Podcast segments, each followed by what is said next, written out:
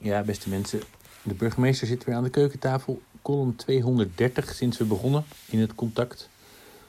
Cyberdriehoek. Het regulier overleg tussen de officier van justitie en de politie en de burgemeester, dat noemen we de driehoek. De gezagsdriehoek. En we houden die driehoek, dat driehoeksoverleg, als er iets ernstigs aan de hand is. Dan stemmen we bevoegdheden af. Bespreken we tot hoe ver de politie mag gaan, bijvoorbeeld over de ME-inzet. Maar ook over hoe de opsporing opgepakt wordt en hoe het OM de vervolging oppakt nadat er mensen zijn aangehouden. En vroeger vond dat overleg heel vaak plaats. Eigenlijk werd elke week wel de staat van het dorp doorgesproken.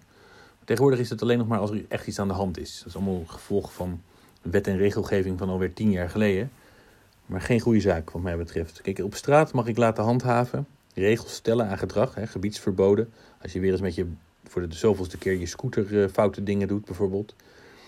Maar ons leven is natuurlijk steeds meer verweven met internet. gesprekken op straat gaan moeiteloos door naar de telefoon, maar ook via de WhatsApp en daarna weer terug en ook social media.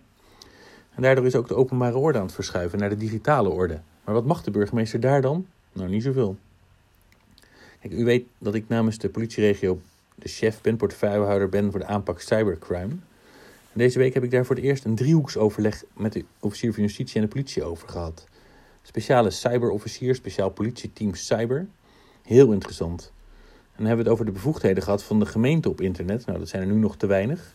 Maar ook over zaken die gebeuren in het echte leven, maar die starten op internet. Zoals het oproepen tot rellen of WhatsApp-fraude. Nog een wereld te winnen, maar het begin is er.